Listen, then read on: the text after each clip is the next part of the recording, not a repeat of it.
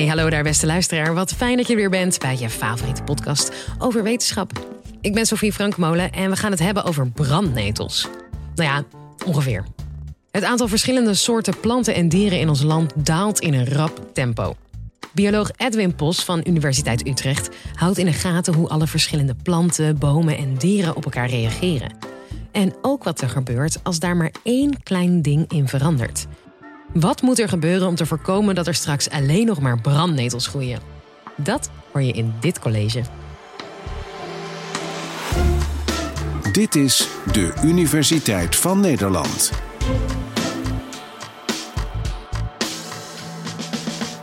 Het is 2050. We zijn in Australië. Je hebt vast wel eens van het Great Barrier Reef gehoord. Gedurende duizenden jaren groeide dat stukje bij beetje uit tot het grootste koraalrif van de wereld. Met een ongelofelijke hoeveelheid verschillende soorten. Van vissen tot koraal en planten. Maar door onder andere de opwarming van de aarde nam de temperatuur van het zeewater toe en verzuurde de oceaan. In combinatie met de vervuiling door de mens heeft dit geleid tot het stukje bij beetje verdwijnen van het koraal.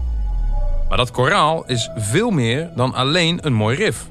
Het biedt een plek voor veel andere soorten, zoals allerlei wieren en andere kleinere diersoorten.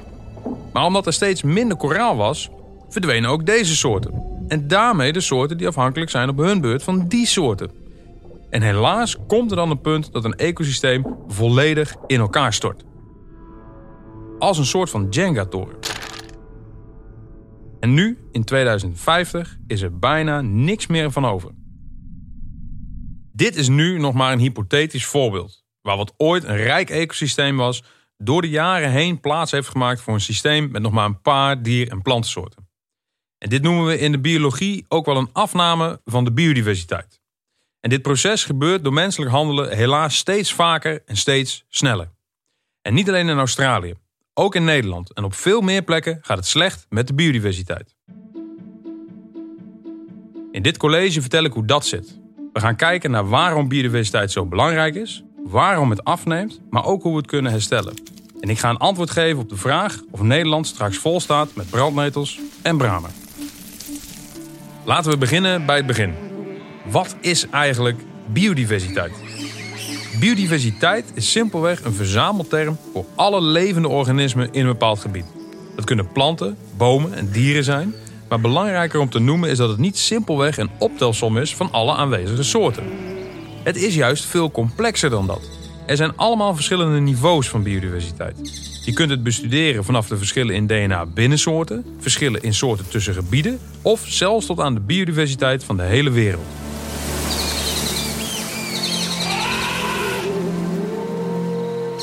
Maar belangrijker is misschien wel dat al deze soorten met elkaar in relatie staan. In een ecosysteem hebben zij een bepaalde functie. En net als in een klok, waar elk tandwiel een functie heeft, spelen ook deze soorten een rol. Haal je een tandwiel uit een klok, dan heeft dat gevolgen voor de rest van de machine. En dat geldt eigenlijk ook zo voor de biodiversiteit. Als er een soort compleet zou verdwijnen, kan dat ook consequenties hebben voor andere soorten. Neem nou het voorbeeld van slingerapen in de Amazone. Die lijken in eerste oogopslag misschien niet cruciaal voor het voortbestaan van het oerwoud. Maar bepaalde soorten bomen, die ook in de Amazone staan, zijn afhankelijk van deze apen voor bijvoorbeeld de verspreiding van hun zaden. Geen apen betekent minder verspreiding, waardoor de diversiteit van het gebied heel anders kan worden met meer van dezelfde soorten in het gebied. Wat ook weer allerlei gevolgen kan hebben voor het hele ecosysteem. En dat kan dan natuurlijk weer allerlei gevolgen hebben voor bijvoorbeeld het lokale klimaat. Nou, dit was natuurlijk slechts een voorbeeld. Maar wereldwijd staat door menselijk handelen de biodiversiteit enorm onder druk. Denk aan het kappen van bossen en het jagen op diersoorten. De Verenigde Naties heeft onlangs berekend dat ongeveer een miljoen dier- en plantensoorten binnen een paar decennia kunnen uitsterven. Een gigantische hoeveelheid in een ontzettend korte periode. En zonder biodiversiteit is er geen toekomst voor de mensheid. Dat klinkt nogal dramatisch, maar het is echt waar. Wij zijn een onderdeel van die natuur en daarmee ook afhankelijk van die natuur. Laten we eens als voorbeeld kijken naar de kringloop van voedingsstoffen. Heb er wel eens over nagedacht wat er eigenlijk gebeurt met een appel die je in de berm gooit? Die wordt afgebroken. Maar dat gebeurt door allerlei organismen die onderdeel uitmaken van de biodiversiteit. En door die afbraak van de appel komen de voedingsstoffen waar die appel uit bestond weer beschikbaar voor andere soorten. Een letterlijke kringloop. Moet je je voorstellen wat er gebeurt als deze voedingsstoffen misschien niet meer beschikbaar komen omdat die appel niet wordt afgebroken. Dan is het net alsof je de onderste stenen van een Jenga-toren weghaalt.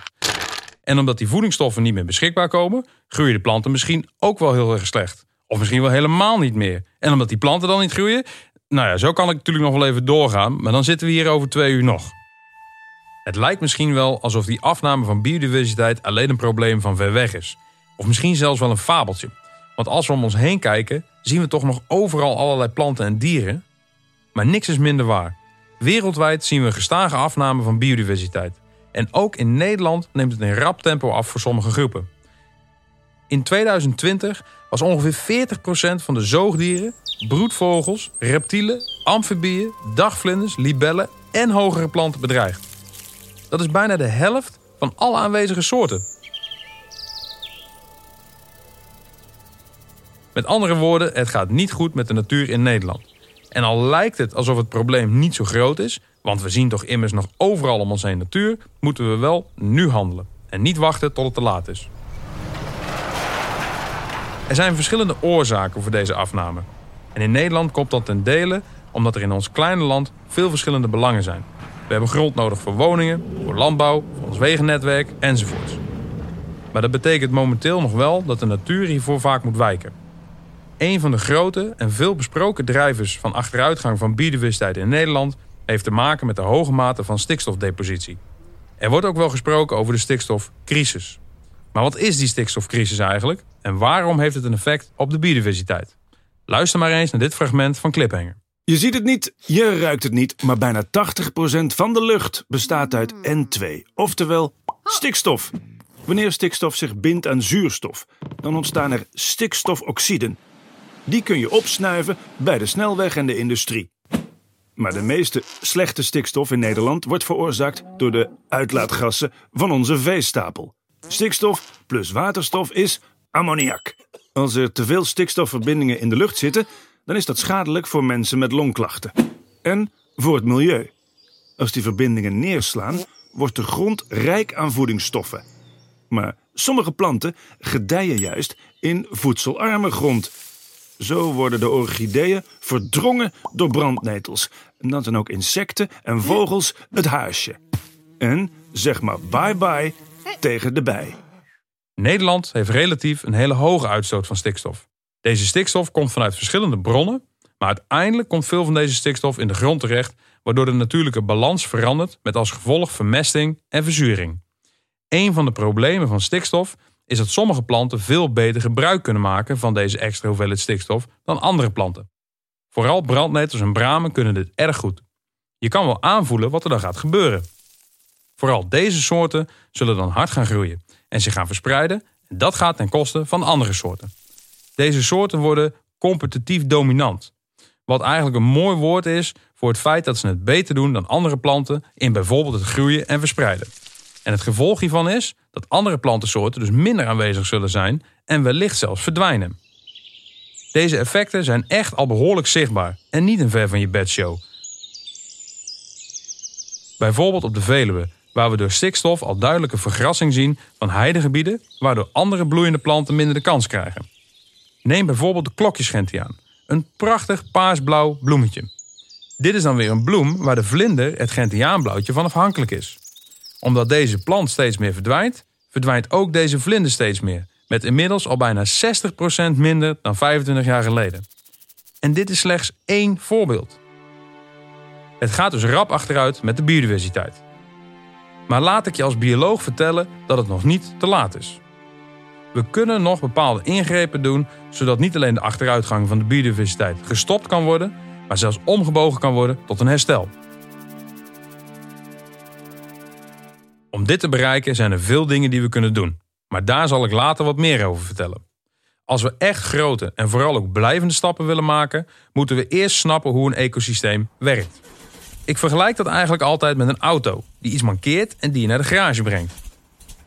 De automonteur kan deze wel repareren, maar voordat hij een auto kan repareren, moet die monteur wel eerst de blauwdrukken zien van hoe die specifieke auto precies in elkaar zit. Wat elk onderdeel doet en hoe het samenwerkt met de andere onderdelen. Nu zijn de blauwdrukken van een ecosysteem wel wat ingewikkelder dan die van een auto. Maar de wetenschap is druk bezig om deze blauwdruk te ontrafelen.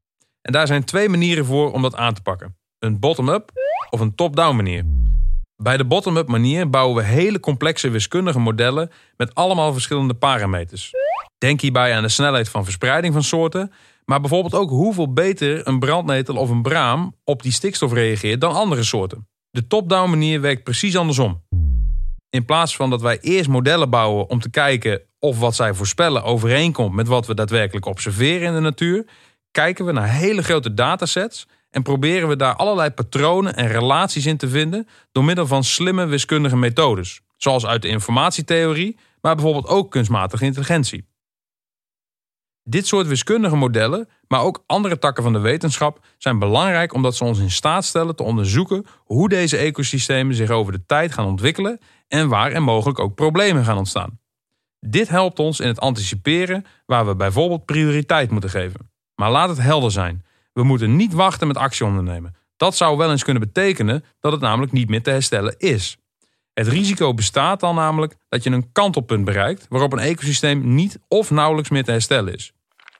Als die Jenga-toren valt, dan kan die niet of heel moeilijk opnieuw worden opgebouwd. We moeten dus nu ingrijpen als we de biodiversiteit echt in stand willen houden of willen verbeteren. Overigens weten we door al deze berekeningen misschien wel wat er gebeurt als er dingen veranderen of wat belangrijke processen zijn voor een ecosysteem. Maar dat vertelt je nog niet wat je dan expliciet kan doen om die natuur te beschermen.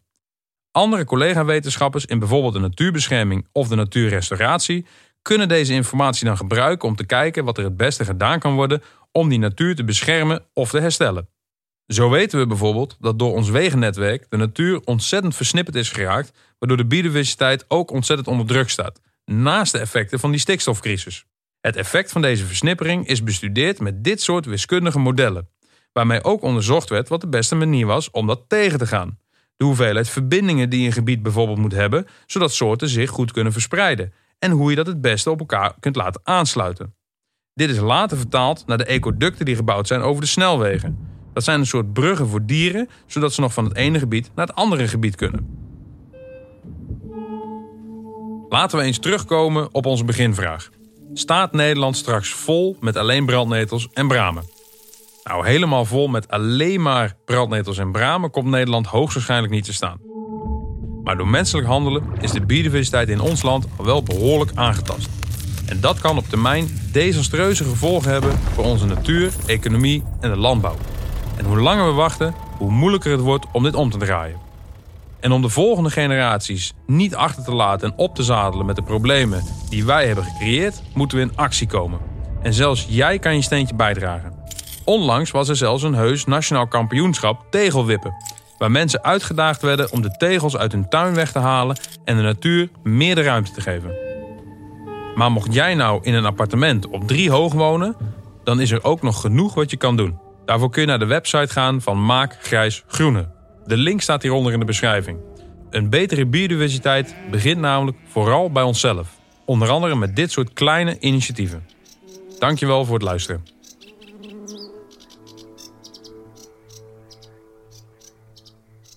Je hoorde Edwin Pos. Hey, en luister je deze podcast nou met plezier? Laat dan even een review achter in je podcast-app.